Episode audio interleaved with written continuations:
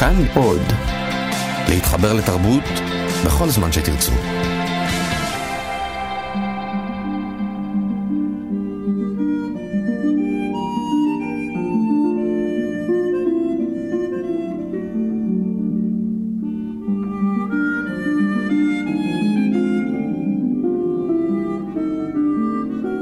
האי ברחוב הציפורים. תסכית בהמשכים מאת אורי אורלב. ביימה יעל רבון.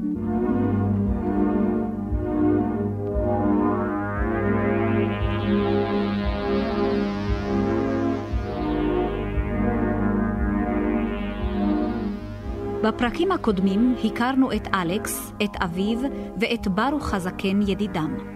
כמו כן הכרנו את העכבר הקטן הלבן של אלכס, ששמו שלג. שמענו איך גילה אלכס שלאביו יש אקדח, ואיך אימן אותו האב להשתמש בנשק. אחר כך באו הגרמנים לבית החרושת של עובדי הכפייה בגטו, שם עבדו שלושתם, ובמקום לערוך מיון ולשלוח רק חלק מן העובדים כפי שנהגו עד כה, הם הוציאו את כל העובדים ושילחו אותם ברכבות. אבל לברוך הזקן הייתה תוכנית איך להציל את אלכס בן ידידו, תוכנית שהכין מראש. אביו של אלכס הופרד מברוך ומאלכס על ידי הגרמנים. תוכנית ההצלה של ברוך עלתה יפה, ואלכס הגיע בשלום אל מרתף של בית הרוס, הבית ההרוס היחיד ברחוב הציפורים. אנחנו שומעים את הסיפור מפיו של אלכס המבוגר, המספר לנו על ילדותו. ומפעם לפעם אנו שומעים, כן, שומעים, את הקולות העצורים בזיכרונו.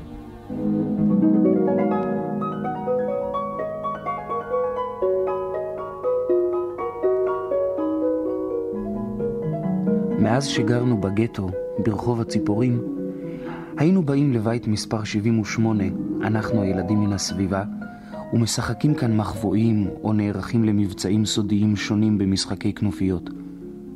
ההורים אסרו עלינו באיסור חמור להיכנס פנימה אל הבית ההרוס בגלל הלבנים המדרדרות. אבא אמר שאפילו קיר שלם יכול להתמוטט פתאום. אך המקום משך אותנו כבחבלי קסם. מסתורי המרתפים המלאים שדים ורוחות, קירות חלקיים של הדירות בקומת הקרקע או בקומה הראשונה, מדרגות תלויות על בלימה. לא היה מקום יפה ממנו למשחק. הבית נפגע כנראה ונשרף בחלקו, ובחלקו התמוטט אחר כך. הבתים השכנים לא נפגעו. גם חזיתות הבית, הקדמית והאחורית, נשארו שלמות. זאת אומרת שלא הכל עמד שלם עד המקום ששם היה פעם הגג. אבל שתי חזיתות אלה שנתמכו פה ושם בשאריות קיר, עמדו מביטות בחורי חלונותיהן הריקים, כמו קירות תפאורה של מחזה מפחיד. החזית ושער הכניסה פנו לרחוב שלנו, לגטו, אך החזית האחורית פנתה לרחוב הנוצרים שמחוץ לגטו. לא פחות מן המקום עצמו, משך אותנו הנוף שנשקף משם. לא כל כך קל היה להגיע אל החלון, די מפחיד היה לעמוד ליד החלון היחיד שאליו אפשר היה לטפס דרך המדרגות התלויות. וגם זאת, רק אחד-אחד, שלא יהיה כבד מדי. הייתה שם קומת קרקע, וזו שמעליה הייתה הקומה הראשונה. החלון שאליו היינו מגיעים היה אם כך בקומה הראשונה, לפי המניין הזה. מעליו היו עוד ארבעה חלונות, כלומר, הבית היה במקורו בין חמש קומות וקומת קרקע, שלא לדבר על המרתפים. הרחוב בצידו האחורי של הבניין היה חצוי לכל אורכו בחומת לבנים גבוהה, עם שברי זכוכית עליה, ומעבר לחומה אפשר היה לראות את הבתים מן הצד השני ואת הרחוב של הפולנים. זה היה כל כך קרוב, שכמעט אפשר היה להגיע לשם בהושטת יד. אך זה היה עולם אחר לגמרי. עולם שחיינו בו פעם ואז לא ידענו מה ערכו. בכלל לא עלה בדעתנו שהזכות ללכת ברחוב לכל מקום שנרצה זה משהו מיוחד. לעלות על החשמלית ולצאת את העיר למשל. או סתם ללכת לגן הגדול ולזרוק פירורי לחם לברבורים, להתרוצץ שם. אמנם לפני הגירוש, גם כאן, בגטו, היו חנויות והיו לנו חברים. היה אפילו מגרש אחד שבו שיחקנו כדורגל. והחורבות האלה. אבל תמיד היה גבול. עד כאן ולא יותר. כמו בית סוהר. קצת רחב יותר מבית סוהר רגיל. ועוד, שם, בחנויות של הפולנים, היה הרבה יותר אוכל והרבה יותר בזול. גם שם מאכלי מותרות היו יקרים מאוד, אם כי לא כל כך יקרים כמו בגטו. שם אפשר היה לקנות חלב ולחם וביצים, ואם לא היו ביצים הרי לחם היה תמיד. ואם בחלב היו קצת מים, אז מה? גם מים אפשר לשתות. שם לא היו כל לילה אנשים וילדים מתים מרעב ומושלכים לרחוב.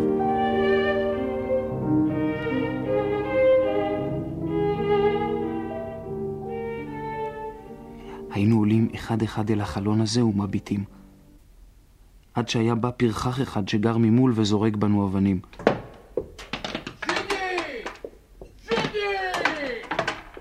בהתחלה התכוונו להחזיר לו. האבנים היו לנו בשפע. אבל ליתר ביטחון התייעצנו בינינו, והחלטנו שיסתמו את החלון שלנו בלבנים אם נשליך פסולת ושברים מעל החומה אל הצד שלהם. חבל. יכולתי בקלות לפגוע בו ולשבור לו את הראש. הוא לא היה ילד גרמני, אבל גם הפולנים שנאו אותנו. אבא אמר שזה מפני שכך חינכו אותם בבית ובבית הספר ובכנסייה. אמרו להם שהיהודים צלבו את ישו. אמרו להם שהיהודים רמאים וגנבים ומלווים בריבית. אבא אמר שגם בין הפולנים יש רמאים וגנבים ומלווים בריבית קצוצה וגם רוצחים. לנו לפחות אין רוצחים ואין שיכורים. אבל כשמישהו זר או נחשב זר, קל מאוד לשנוא אותו. אם אין עבודה למשל, ופקידים ופועלים הולכים מובטלים, מיד הם אומרים, היהודים תפסו את כל העבודות, היהודים לפלסטינה.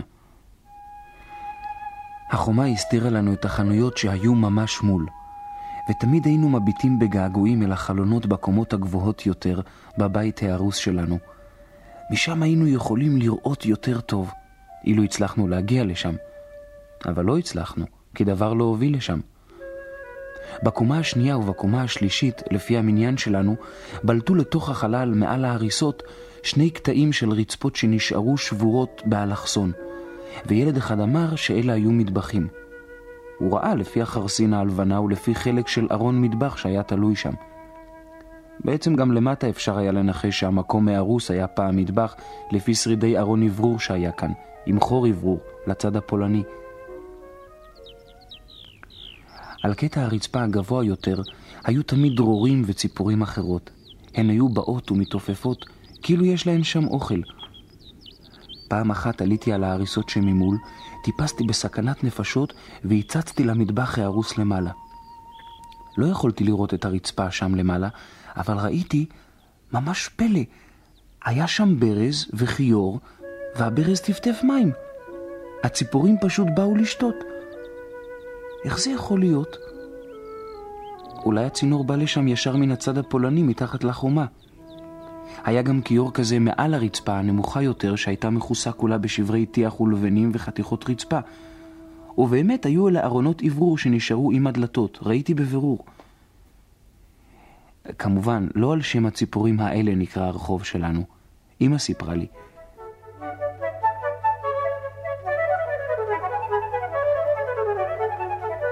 פעם הייתה שדרת עצים במרכז הרחוב. פעם, כשעוד לא היו מכוניות, אלא היו עצי ענק, והם לא הפריעו לעגלות ולרוכבים שעברו בין הבתים מצד זה או מצד אחר של השדרה. גם אמא לא ראתה את העצים האלה. סבתא ראתה אותם. היא אמרה שהעצים היו מאוכלסים המון ציפורים, ממש המוני ציפורים. לכן קראו לרחוב שלנו רחוב הציפורים. יכול להיות שהציפורים של היום הם בני בניהם של נכדי נכדיהם וניניהם של הציפורים מאז. שהרי דור של ציפורים הוא קצר בהרבה מדור של בני אדם. ברוך אומר שדור זה ארבעים שנה. אבל כשאדם הוא בן עשרים הוא כבר זקן, אמרתי לו. הוא צחק. בעיניו אדם בן חמישים, אפילו חמישים וחמש הוא צעיר עדיין. כשתהיה בן חמישים, תראה שאני צודק. קשה להאמין. שלג המסכן, הוא יכול לחיות אולי שלוש שנים. כמה זה דור אצל עכברים? באנציקלופדיה היה כתוב שהם ממליטים בממוצע שמונה פעמים בשנה. איך אפשר היה לעשות את החשבון? לא יכולתי לספר להוריי על הציפורים ועל המים שהן שותות. מיד היו יודעים שהפרתי את האיסור. ועוד דבר, מיד אחרי שירדתי למטה וחזרתי אל חבריי, כל הקיר שלפני רגע טיפסתי ועליתי עליו, התמוטט ונפל וכל המקום התמלא ענן עצום של אבק. אלכס, יש לך מזל. נכון, היה לי מזל. כל כך רציתי לספר על זה להוריי. גם אבא אמר לי תמיד. אלכס, יש לך מזל. לאמא היה הסבר. נולדתי עם כובע. מי שנולד עם כובע נולד בר מזל. אמא הסבירה שיש תינוקות שנולדים כשקרום כמו כובע על ראשם. זאת אמונה תפלה, אמרה, אבל אמונות תפלות רבות הן אמיתיות. ברוך הזקן חשב כמוה. היו לי שלושה מורים בבית הספר בגטו. כמובן, היו לי מורים בבית הספר ומורה בכיתה בגטו, אבל את הדברים החשובים למדתי מאבא, מאימא ומברוך. אלכס, כשאתה מוצא לך מקום מחבוא, תדאג תמיד שתהיה לך יציאת חירום, זכור. העיקר זאת ההפתעה. הם לא מעלים בדעתם שיש לך נשק. המתן, מקרוב תפגע יותר טוב. אם תתייחס לאנשים באמון ובמאור פנים, הם יעזרו לך. בכל זאת, כבדהו וחשדהו. תלוי במצב. אם אתה אדם חכם, תוכל לדעת מתי לנהוג כך ומתי אחרת. אבל אני מתכוונת לא בדיוק איך עליך להתנהג תמיד. אני מתכוונת מה שחשוב לצבור בלב. בלב כדאי לצבור מאור פנים ואהבה, אלא שלא תמיד צריך להשתמש בו. בוודאי לא כשלפניך רוצח עם גולגולת של מת על מדיו. כן, אלכס, זה נכון. עוד משהו בעניין המזל. בהפצצות, בתחילת המלחמה, הלכתי ברחוב. אדם זר גרר אותי לתוך שער של בית עם תחילת האזעקה. עמדתי שם רגע, ופתאום רצתי הביתה.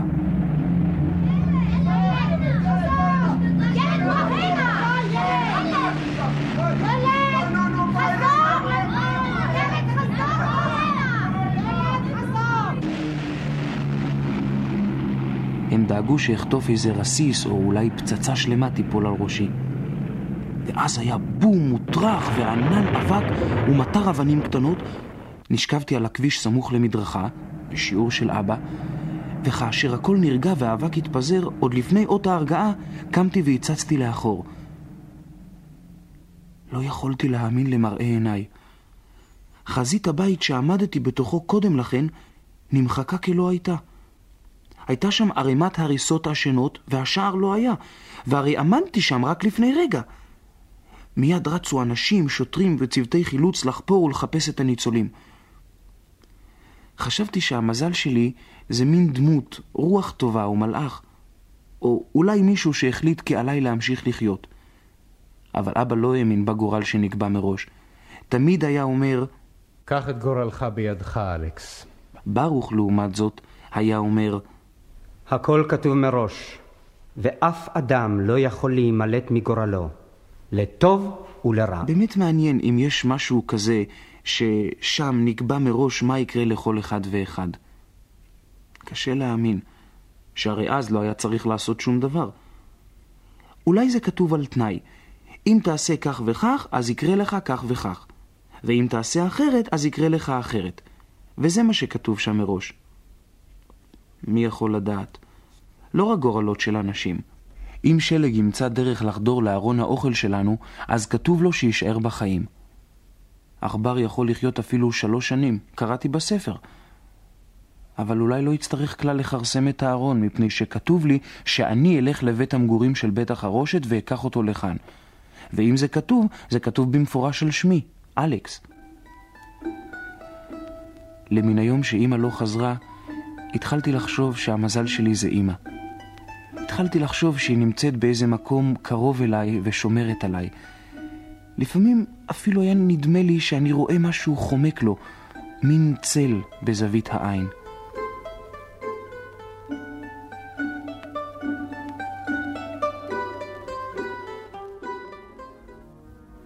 הלכתי להביא את שלג. לקחתי איתי את האקדח ואת הפנס, כל השאר השארתי בכוך שבו ישנתי עד הערב, ורק בניתי סביבו חומת לבנים קטנה וכיסיתי מלמעלה בחתיכת פח נגד עכברים. אם כי עדיין לא שמעתי שום ציוצי עכברים. אולי הם העדיפו לגור במרתפים של בתים מאוכלסים. בצדק. אחרי התלבטויות רבות החזרתי את האקדח לנרתיק שלו. אחר כך סידרתי לי חגורה מן הרצועות של אבא וקשרתי אותו תחת מעילי על המותניים.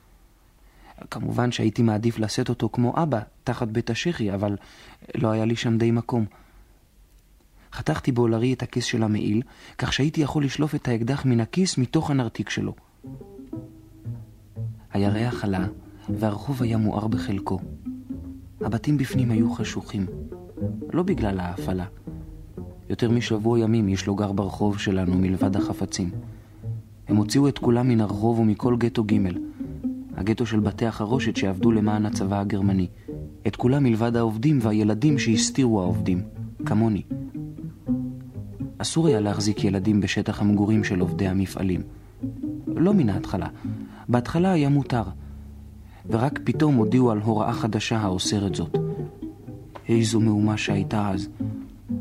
אבא רצה לשלוח אותי לידידים שלו, פולנים בכפר, אבל אמא סירבה להיפרד ממני. היא פחדה שאהיה שם לבד, מוזנח, רחוק. משום כך הוחלט לבנות את מחבוא הקרשים, ואחר כך את הבונקר שבנינו יחד עם משפחת גרין. הגרמנים השאירו את העובדים מפני שהיו זקוקים להם. כך חשבנו. אבא היה בטוח, הוא אמר שזה הגיוני. ברוך אמר שהם לא תמיד פועלים לפי ההיגיון. אולי באמת רצה בעל בית החרושת שנעבוד ונייצר חבלים, או מברשות אצל המברשתנים, או גרביים אצל מילר, או חגורות צבאיות אצל הסנדלרים. גם השותף הפולני, ידידו של ברוך, היה בוודאי מעוניין בנו. הרי זה היה בית החרושת שלו עוד לפני המלחמה. למה היו הגרמנים זקוקים לכל כך הרבה חבלים במלחמה? פעם שאלתי את הוריי אם הם יקשרו בעזרתם את השבויים הרוסיים. הם צחקו. אבא אמר, לא, הם יתלו בהם את עצמם. הבתים שעברתי על פניהם היו מלאים בכל החפצים שהיו שם כשעדיין גרו בעלי הדירות בתוך דירותיהם. כולם התפלאו שהגרמנים לא באו מיד להוציא את החפצים כמו שנהגו לעשות לפי השמועה במקומות אחרים. אולי זה סימן טוב, אולי זה סימן רע. אבא אמר שהם עסוקים מדי בחזית המזרחית, כלומר ברוסיה. זאת הייתה בדיחה. ברוך צחק. הוא אמר שפשוט הם התחילו לרוקן את גטו ב' ולכאן יגיעו בסוף. שם גרו העשירים. הרחוב שלנו לא היה רחוב של עשירים. אנשים עם רהיטי פאר היו מעטים כאן. אולי משום כך לא בזזו אצלנו. חשבתי על הכיסאות שלנו. הם לא היו הכי יפים, אבל בכל זאת די יפים. במיוחד אחרי שאני ואבא צבענו אותם מחדש בצבע תכלת. מי יושב עליהם בגרמניה? דיברתי על העניין הזה עם ברוך. הוא אמר, הם ישבו. הם ישבו עד שיפציצו אותם האנגלים והאמריקנים. הצטערתי על הכיסאות. ועוד יותר הצטערתי על הצעצועים שלי. את הספרים ממילא לא יוכלו לקרוא, הרי הם היו כתובים בפולנית. אחזור ואסביר את עניין הגטאות. היו לנו שלושה. גטו ב', שרוקנו מן התושבים מיד בהתחלה, גטו ג', כלומר אנחנו, מפעלים ובתי חרושת, וגטו א', סתם גטו גדול וצפוף שהתחילו לפנות והפסיקו. לא ייקח הרבה זמן והם יחזרו לשם, הבטיח ברוך. אבל היו להם הרבה אנשים והרבה רחובות וסמטאות, הרבה מרתפים ועליות גג, ובבונקרים הייתה לפעמים אספקה לשנה שלמה, עם מים, עמוק באדמה. אבל גם מלשינים רבים היו שם, יימח שמם. וגם חברי התנועות הציוניות, שבאחת מהן אמא הייתה חברה. ועוד סבלים ועגלונים, כולם אנשים חזקים. אבא אמר שהצעירים והסבלים והעגלונים יעשו את המרד. משהו כמו בגטו ורשה. אולי יותר קצר, אולי רק ליום או יומיים, אבל מרד.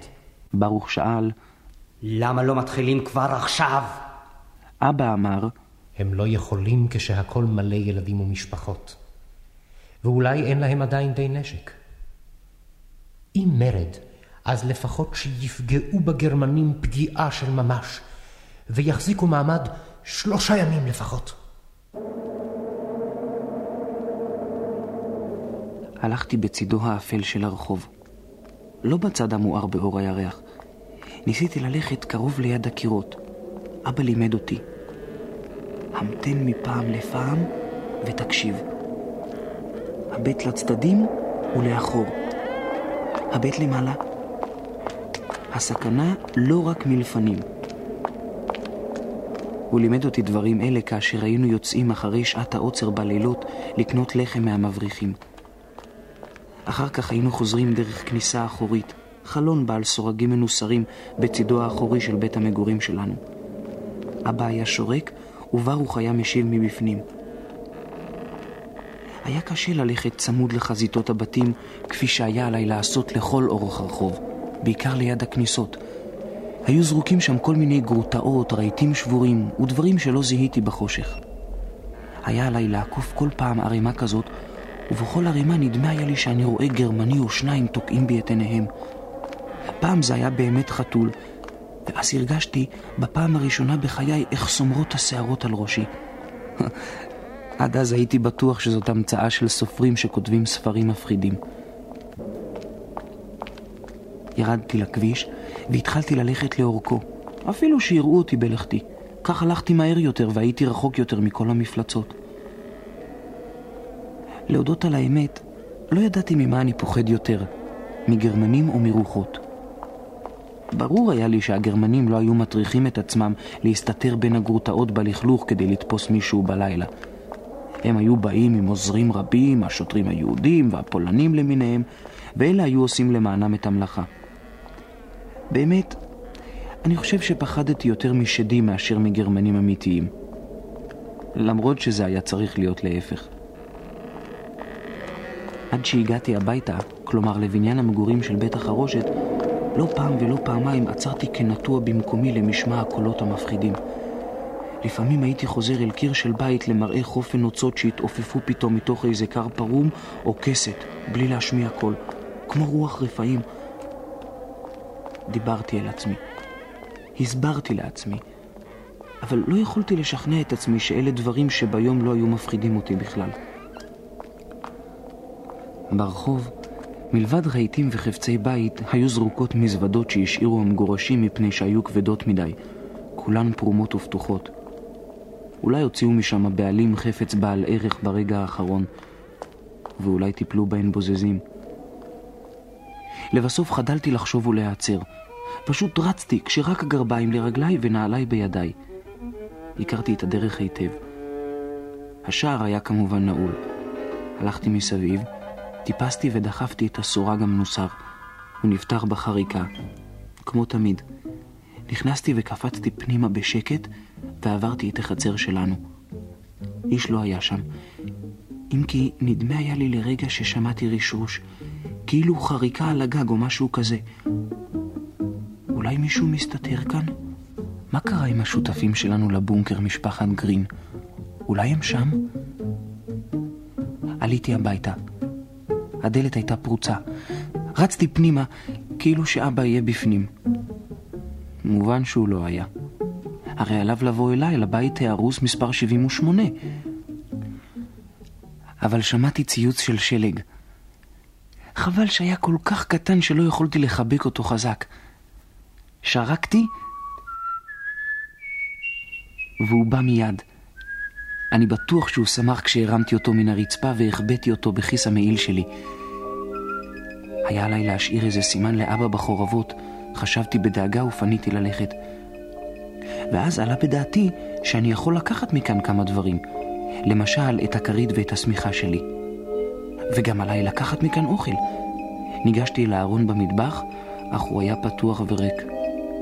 מישהו רוקן את הכל, חשבתי בכעס. אולי מישהו שמסתתר כאן בבית וחשב ששוב לא נחזור, אבא ואני? היה לנו קצת אוכל במחבוא הקרשים בעלייה. עליתי גם לשם. אותה תמונה כמו בדירה שלנו. מישהו כבר היה שם ולקח הכל.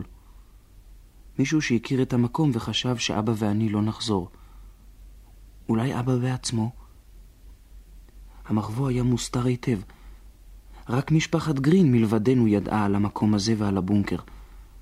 אז חזרתי הביתה ונכנסתי לבית השימוש. ניסיתי להזיז את האסלה ממקומה כמו שאבא היה עושה כשהיינו יורדים. אבל האסלה לא זזה, כאילו היא נעולה מבפנים. משכתי בכל כוחי, לא זז. ואז קראתי בלחש, אדון גרין, גברת גרין, ציפורה, אברהם, יוסי, אדון גרין. לא באה כל תשובה. ואז נזכרתי בהקשה המוסכמת. אדון גרין, גברת גרין, ציפורה, אברהם, יוסי, אדון גרין. עדיין לא ענו. ואז דפקתי בכל הכוח וצעקתי, אדון גרין!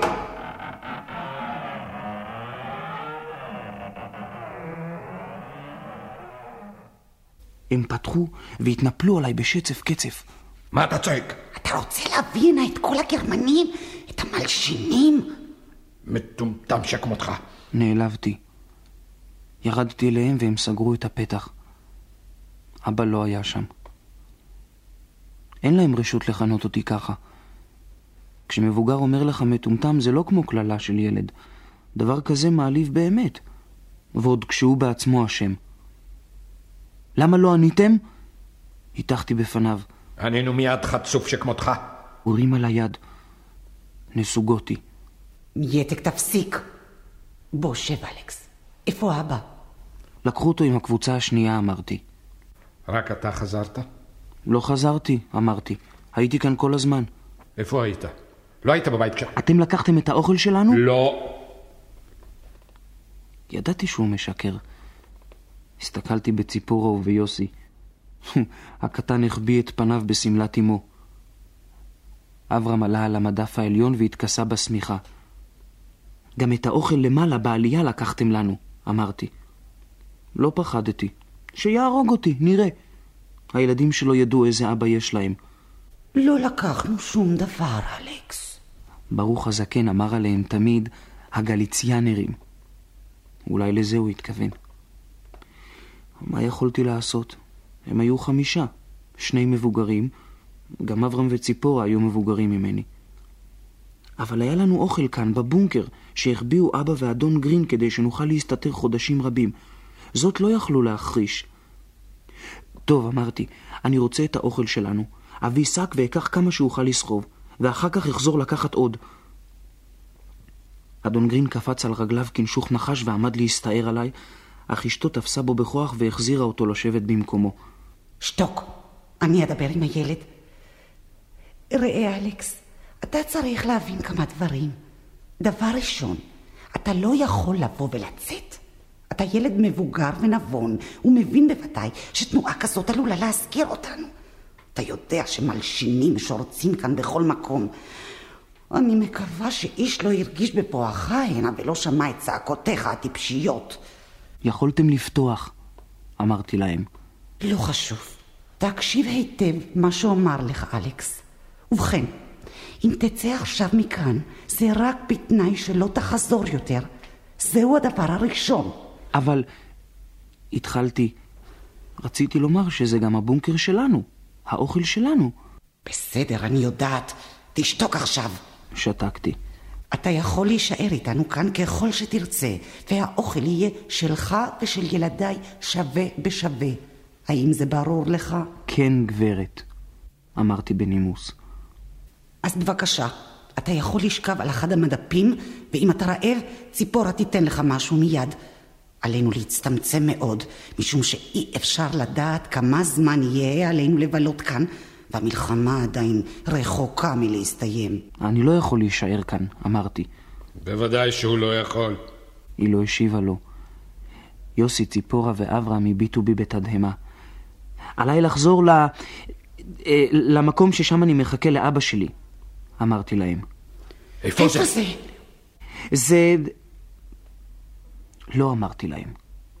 אתה לא בוטח בנו? מדוע אתה לא רוצה לספר? האם אבא שלך שם? אולי מישהו אחר? מי שלח אותך הנה? הם שאלו אותי את כל השאלות האלה בבת אחת. לא, אמרתי, איש לא שלח אותי. אני נמצא שם לבד, אני מחכה לאבא. אז למה באת הנה? לקחת את שלג. שלג. יוסי הקטן אמר מלמעלה. העכבר הלבן שלו! התביישתי. טוב ששלג ישב בשקט ולא צפצף בכיסי. רציתי לקחת אוכל ולא היה שום דבר בשום מקום, אמרתי להם. אז באתי הנה ואני רוצה לקחת את האוכל שלנו. אני אוציא את הכל לדירה שלנו ואבוא כל פעם לקחת משם. לא אכנס יותר לבונקר ולא אדפוק. לא בא בחשבון. אחר כך אדון וגברת גרין הלכו הצידה והתלחשו זמן מה. רבו על משהו, התווכחו. לבסוף היא חזרה ואמרה לי בקול נוקשה וצורם. אתה יכול להישאר כאן איתנו או ללכת, אבל אתה לא יכול לקחת שום אוכל איתך. למה? שאלתי. כי חבל על האוכל, הם יתפסו אותך תוך יום או יומיים, וכל האוכל ילך לאיבוד. אלכס, תישאר. אני לא יכול, אמרתי כשאני קרוב לבכי. אני מחכה לאבא שלי. אבל ו... הוא יבוא לחפש אותך גם כאן. אברהם צדק. זה היה הגיוני, עליי להישאר איתם. סקרתי את פניהם. יוסי הקטן הביט בי בציפייה. ציפורה ואברהם לא היו גרועים כל כך. לא, ברור היה לי שאסור לי להישאר כאן. ידעתי שעליי לחזור מיד לחורבות. ניסיתי לחשוב.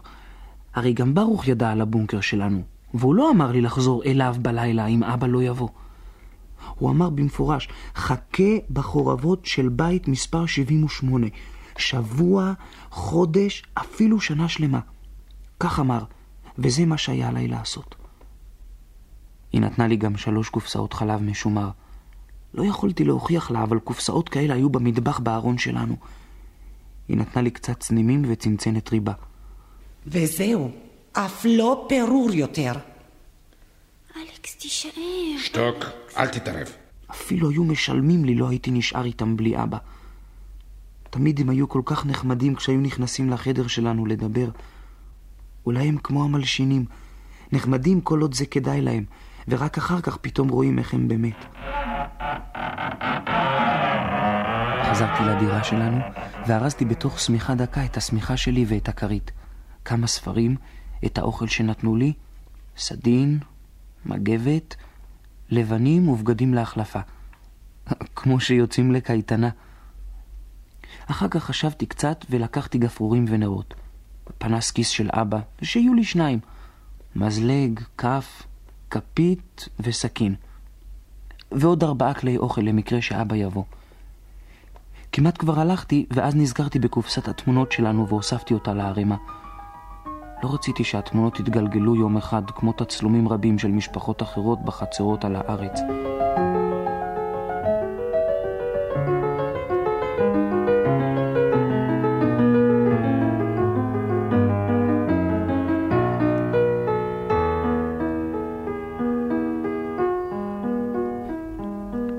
אולי לא הייתי שם לב לצילומים שהתגלגלו בכל מקום, אבל אמא הסבירה לי.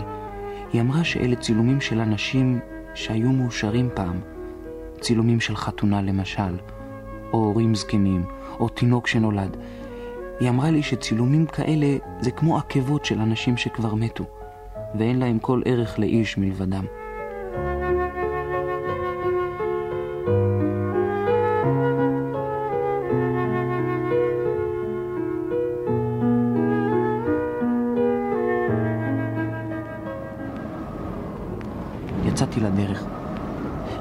רק בקושי דחקתי את החבילה בפתח היציאה. סגרתי את הסורג כמו שהיה בהתחלה. אולי עוד אחזור. איש לא יכול היה להבחין שאפשר לפתוח אותו. ברוך הזקן סידר כל כך יפה את הפתח הזה. השמיים התכסו עננים. התחיל לטפטף. פתאום חשבתי על כל מיני דברים שהייתי רוצה לחזור ולקחת מן הבית. בעצם, מדוע לא נשארתי שם לישון? ואולי בכל זאת עליי להישאר בבונקר, למרות שאני שונא את המשפחה הזאת. אבל לא חזרתי על עקבותיי. עכשיו עברתי את הדרך מהר יותר. אולי גם נזהרתי פחות, אבל פחדתי בדיוק כמו קודם. קשה מאוד שלא לפחוד. רק כשנכנסתי לתוך המרתף התחיל לרדת גשם. את החבילה היה עליי לפרק לפני הפרצה, משום שלא יכולתי להכניסה בשלמות. השמיכה קצת נרטבה, גם הספרים. אין דבר, הם התייבשו. סידרתי לי מיטה, אבל האדמה הייתה קשה, ולכן החלטתי לישון על השמיכה. החלטתי ללכת מחר לאחד הבתים הסמוכים ולחפש לי מזרון. אולי אמצא גם אוכל. לא כל כך האמנתי. כולם היו לוקחים איתם את האוכל או מחביאים אותו. אבל מזרונים בוודאי יהיו בשפע. בלילה חלמתי על אבא. הוא חייך אליי. הוא היה כל כך קרוב. הושטתי את הזרועות שלי וניסיתי לחבק אותו. אבל לא הגעתי אליו. ניסיתי שוב ושוב, אבל הוא הלך והתרחק, הלך והתרחק, למרות שהוא בכלל לא זז מן המקום. צעקתי, לשווא. אז ניסיתי לרוץ אחריו. עדיין אפשר היה לראות אותו היטב. אבל הרגליים שלי היו כבדות מנשוא ולא יכולתי לזוז. ובכל זאת, הוא לא חדל לחייך אליי את חיוכו הטוב והמעודד, כאילו רצה לומר, תחזיק מעמד, אלכס, אני אבוא. פעמיים התעוררתי, ובפעם הראשונה לא ידעתי היכן אני נמצא. בפעם הראשונה התעוררתי בגלל החלום. בפעם השנייה בגלל רעם שהתגלגל בחוץ, רעם של סופה. במקום קרוב לידי טפטפו מים לתוך המרתף. מיששתי את השמיכה הדקה שבה התכסיתי, אבל היא הייתה יבשה. זו הייתה הפעם הראשונה שלא לבשתי פיג'מה מאז שנגמרו ההפצצות.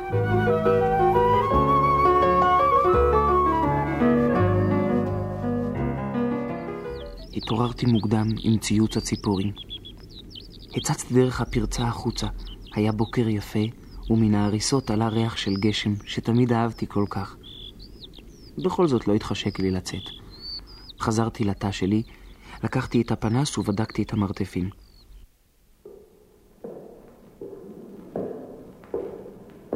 זאת הייתה מערכת מרתפים רגילה, אם כי הפרוזדור המרכזי התפתל בשני סיבובים ובגלל זה הכל נראה מפחיד יותר. מוזר, עכשיו, כשלא הייתה לי ברירה, העזתי ונכנסתי פנימה עם הפנס בלי לחשוב הרבה. אז, כשהיינו באים עם הילדים לשחק כאן למעלה, לכל היותר נכנסתי דרך הפרצה שני צעדים פנימה, וכל הילדים היו משמיעים קולות יו! או והייתי בורח החוצה. נניח שיש רוחות, ונניח שהם באמת מסתתרים במקומות כאלה. למה לחשוב שהם רוצים להזיק לי? אולי הם דווקא רוצים לעזור לי? הרי הם בטח שונאים את הגרמנים. תאי המרתף היו ריקים כולם והדלתות פתוחות. אפשר היה להבחין לאורו של הפנס בשרידים של ערימות פחם או שק מרכיב בפינה, אולי מתפוחי אדמה. בסוף הפרוזדור היה אשנב קטן ליד התקרה, אבל האשנב היה חסום מבחוץ בהריסות הבית. חשבתי שעליי להשיג סולם ולנסות לחפור משם החוצה.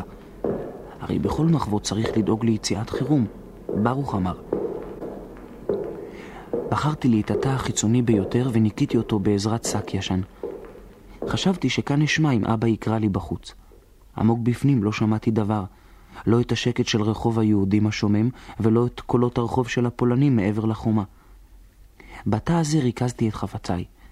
החלטתי לקרוא ליד הפרצה לאור היום, ולא לבזבז את הנרות או את הפנסים. כך אוכל גם לשמוע אם מישהו נכנס, ואספיק להתחבא יותר עמוק. ביליתי שם את כל היום, ואבא לא בא. ביום השלישי החלטתי ללכת לבית הסמוך ולהשיג מזרון. ניגשתי לשער הבית, אך פחדתי לצאת לרחוב לאור היום. ואז נזכרתי שגילינו פעם מעבר בקיר לבית השכן, לתוך דירה. המעבר היה אז חסום בקרשים. עכשיו, מאחר שאיש לא גר בפנים, אוכל לפרק את הקרשים, חשבתי. מצאתי אותו והקרשים לא היו. יכול להיות שאנשים ניסו להימלט משם כשבאו לקחת אותם מן הבית.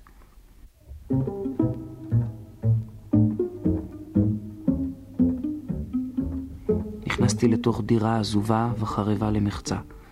עברתי לחדר המדרגות. עמדתי רגע. היה שקט. ניסיתי לפתוח את הדלת ממול, היא נפתחה. זה נראה כאילו האנשים יצאו רק לרגע וישובו מיד. הכל היה במקום. קצת לא מסודר. משהו זרוק פה ושם, והרבה אבק. דבר ראשון הלכתי למטבח. לא מצאתי דבר לאכול. עדיין לא דאגתי. האוכל שקיבלתי ממשפחת גרין יספיק לי בטח לשבוע, ועד אז אבא יבוא. הלכתי לחדר הילדים ומצאתי ספרים רבים, כאלה שקראתי כבר וכאלה שלא קראתי. לקחתי שמיכה והתחלתי לאסוף. גיליתי ארון צעצועים, שכחתי את עצמי והתחלתי לשחק, ואז... הוא הלך למעלה באחת הדירות. קפאתי במקומי ולא זזתי זמן רב. בוזזים חשבתי. אם לא אזדרז לא יישאר כאן שום דבר. בדקתי את הדירות האחרות בבניין. כל הדירות היו פתוחות. תמיד הם היו מצווים להשאיר את הדלתות פתוחות כדי שיוכלו לחפש את המסתתרים. חיפשתי במטבחים. האנשים לקחו איתם את האוכל או שהחביאו אותו היטב לפני שעזבו. פתחתי את הארונות, בגדים. בגדי נשים, גברים, מגבות וסדינים, לבנים. ממש אוצרות. התחלתי להוציא מכל דירה ולערום את הכל למטה, בחדר המדרגות. הערימה הלכה וצמחה. אבל ספרים לא מצאתי הרבה. כנראה רק בדירה הראשונה היה ילד שאהב לקרוא. פרסתי שמיכות על הארץ ומילאתי בהן מכל טוב. מצאתי שלוש חליפות טובות ולקחתי את שלושתן. לא ידעתי בדיוק איזו מידה תתאים לאבא שלי. מצאתי מעיל גדול וחם של גבר, קשרתי את החבילות וניסיתי להרים. הן היו כל כך כבדות. מה יהיה עם כל הבתים השכנים האחרים המלאים כל טוב, חשבתי משולהב. איך אוכל לאסוף את כל הרכוש הזה לבד, בלי עזרה? פתאום התיישבתי על הערימה וידעתי שאני עושה שטויות. מה לי ולכל החפצים האלה?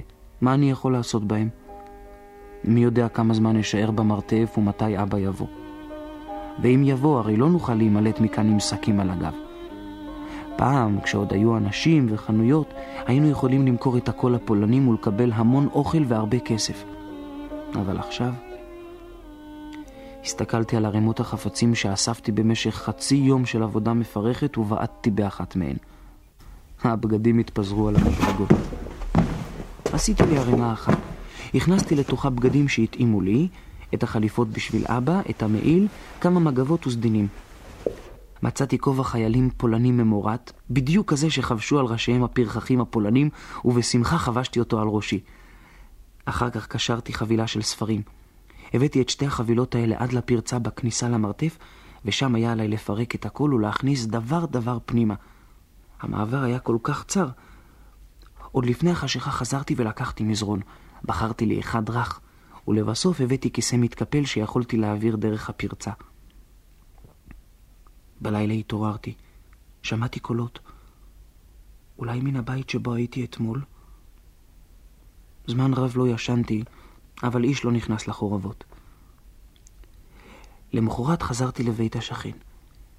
נכנסתי בזהירות. היה שקט. כבר ידעתי מה עליי לחפש. אוכל ונרות. לא אזדקק לשום דבר אחר. אפשר גם לקחת ספר.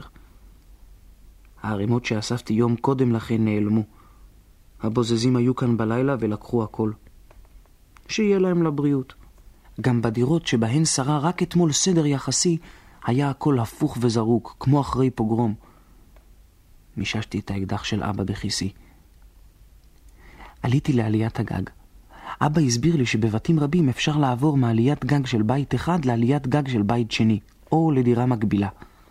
היהודים סידרו להם מעברים כאלה כדי שיוכלו לעבור בלי לצאת לרחוב בשעת העוצר או לעת סכנה.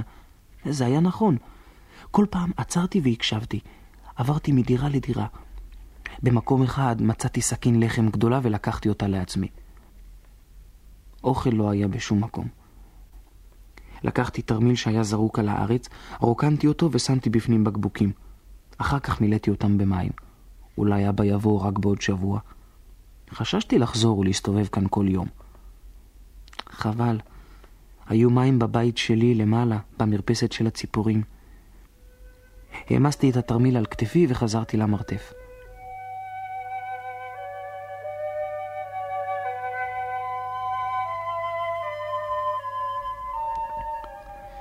עברו שלושה ימים נוספים. קראתי ואכלתי את האוכל שקיבלתי ממשפחת גרין. האוכל הלך ואזל. איש לא נכנס לחורבות ואבא לא בא. זה כבר שבוע שלם. התחלתי לדאוג, מה יהיה? ברוך הזקן אמר לי במפורש, חכה שבוע, חודש ואפילו שנה שלמה. האם הוא באמת התכוון לשנה שלמה? או, או רק רצה לומר לי שאסור לי לעזוב את המקום במשך הרבה זמן? הוצאתי את שלג מן הקופסה ושיחקתי איתו את המשחק שלנו. הרביתי פירורי צנים תחת המזרון ושרקתי לו שיחפש. הוא מצא, כמו בבית. שלג היה עכבר חכם.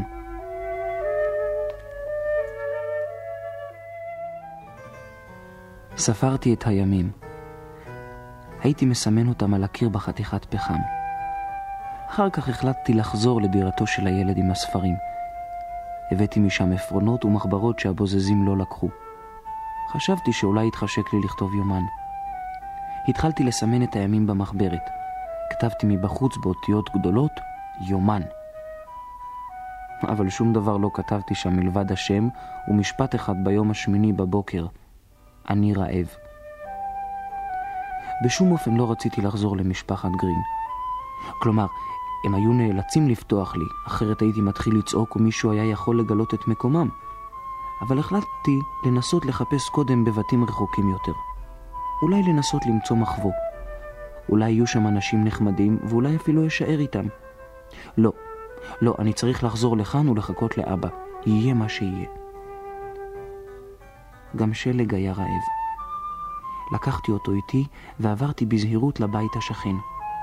החלטתי ללכת ביום. בלילות שמעתי יותר ויותר קולות וצעדים. אולי בגלל שבלילה שומעים יותר טוב, ואולי משום שהבוזזים העדיפו את הלילה על פני היום. עליתי לעליית הגג והתרחקתי מן החורבות עד שהגעתי לבית פינתי. ירדתי, הצצתי כה וכה וחציתי את הרחוב. בבתים מן הצד ההוא לא הייתי אף פעם. הוצאתי את שלג מכיסי ושרקתי לו חפש אוכל.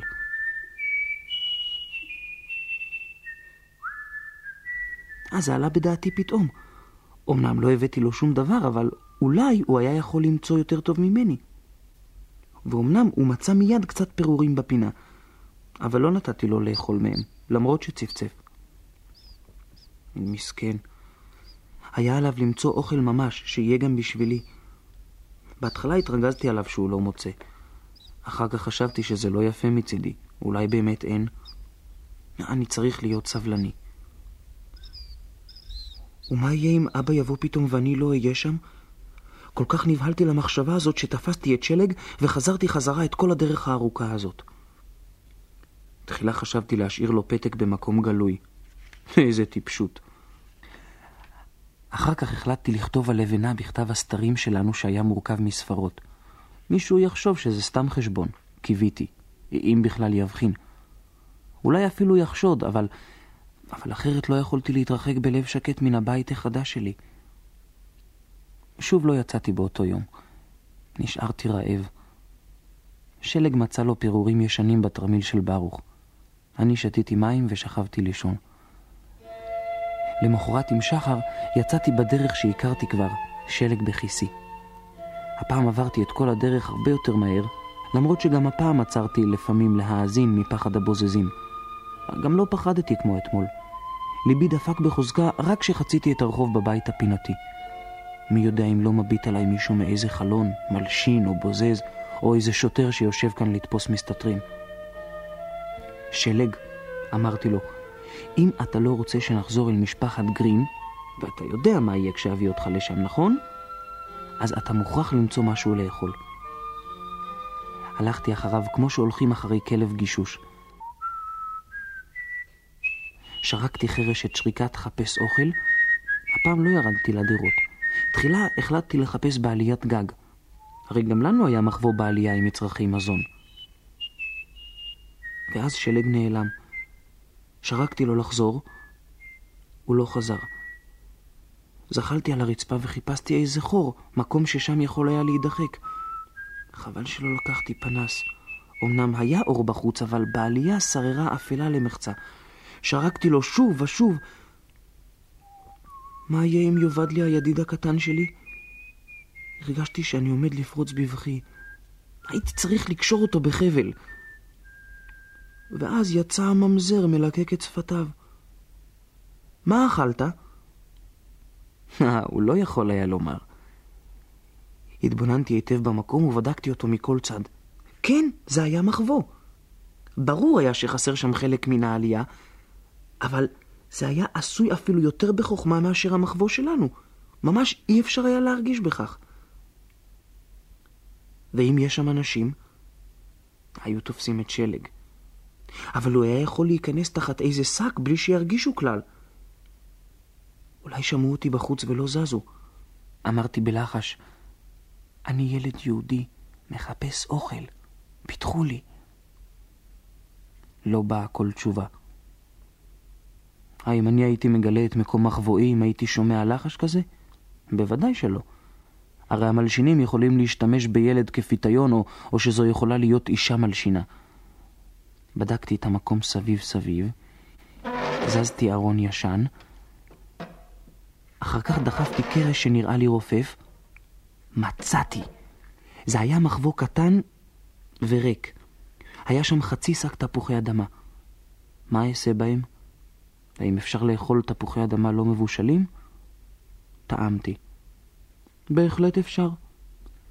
ואז מצאתי על מדף מוסתר שקית עם צנימים, כמה קופסאות עם שימורים, אה, אולי סרדינים, גם חלב משומר, ריבה, שתי צנצנות מלאות שומן, שקית גדולה עם קמח וסוכר. לקחתי מלוא החופן. אחר כך ישבתי ועשיתי סעודה לעצמי. שלג כבר ישן אצלי בכיס. בעלי המחבוא? קפאתי במקומי. יש כאן מישהו, אני אומרת לך. מרתה, כן? שבי ואל תזוזי, ותקשיבי אם לא עולה מישהו במדרגות. עשיתי שגיאה גסה. היה עליי להיסגר בפנים, להחזיר את הקרש ואת הארון למקומם. בואו. באו אישה וילדה. הילדה לבשה שמלה מנוקדת. הם לא התייחסו אליי כלל, כאילו לא הייתי שם. ישבו ואכלו את האוכל שלי במהירות. עם מי אתה מסתתר כאן? הבנתי למה הם ממהרים כל כך לאכול. הבנתי זאת רק יותר מאוחר, כשחזרתי לחשוב על כל העניין. ידעתי גם מה היה עליי לומר. למשל, אבא ודודים שלי תכף חוזרים, ואם לא תסתלקו מיד, אז... או, או משהו כזה. אבל אני אמרתי להם בלי לחשוב הרבה, זה לא מחבוא שלי, אבל אני מצאתי את האוכל. גם אני מצאתי אותו. הוא הפסיק לאכול והתחיל לאסוף את הכל לתוך שק שהחזיקה האישה. שתוק טיפש, או שתקבל זה האוכל מכות. שלי! צעקתי. עזוב אותו, מרק. ואתה, אל תצעק. הילדה הייתה בת שמונה או תשע, לא ידעתי בדיוק. היא הביטה בי בסקרנות ואכלה מן הסוכר. היא הייתה נחמדה בעיניי. הם גמרו לארוז את הכל ועמדו ללכת. אז אמרתי להם, אני מצאתי את האוכל ואתם לא יכולים לקחת את הכל. איפה אתה מתחבא? לא עניתי. כמה אנשים אתם שם? אני לבד, אמרתי. גם הפעם לא הייתי צריך לומר את האמת. הייתי צריך לומר שאנחנו אנשים רבים וחזקים, ונבוא לגלות את המחבוא שלהם ונלמד אותם לקח. איפה זה? משכתי בכתפיים. תן לו קצת אוכל. לא עולה בדעתי. אותו יתפסו, ואנחנו יכולים לעבור שם את המלחמה. צריך למצוא די אוכל. הוא מסר לאישה את השק שמילאו והרים בעצמו את חצי השק של תפוחי האדמה. הם יצאו, אני יצאתי אחריהם. הסתלק. הוא איים עליי באגרופו. לא אמרתי כלום. המשכתי לעקוב אחריהם ורק שמרתי מרחק. הוא הניח את השק ורץ לתפוס אותי. קפצתי הצידה. אחר כך ברחתי לקצה העלייה ועברתי לצד השני. הוא רדף אחריי לשם. שתיהן באו אחרינו. לא ידעתי שיש כאן מעבר. הילד בא כנראה מן הבית השכן. מה תעשה אם תתפוס אותו? איך אנוק אותו? אל תקשקש. תאר לך שמרתה שלנו הייתה מסתובבת כאן לבד. האם תמיד נשים טובות יותר? אולי. אולי חוץ מהאמזונות שקראתי עליהן בספר.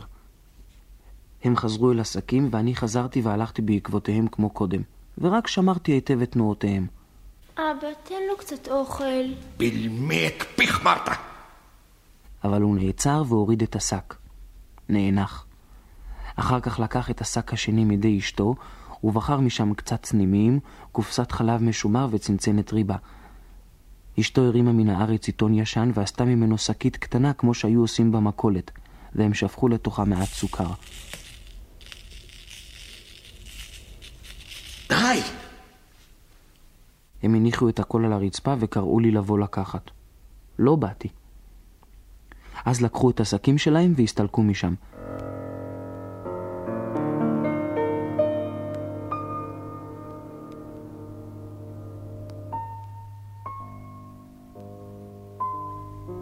לקחתי את מה שהשאירו והלכתי הביתה.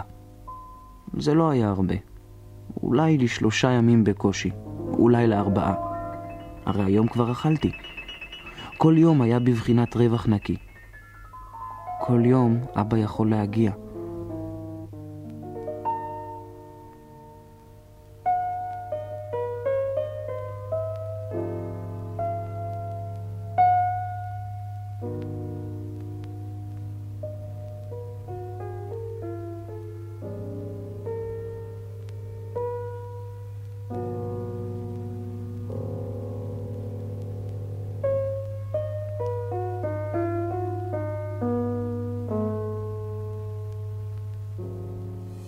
כל ישראל, אוצרות הארכיון.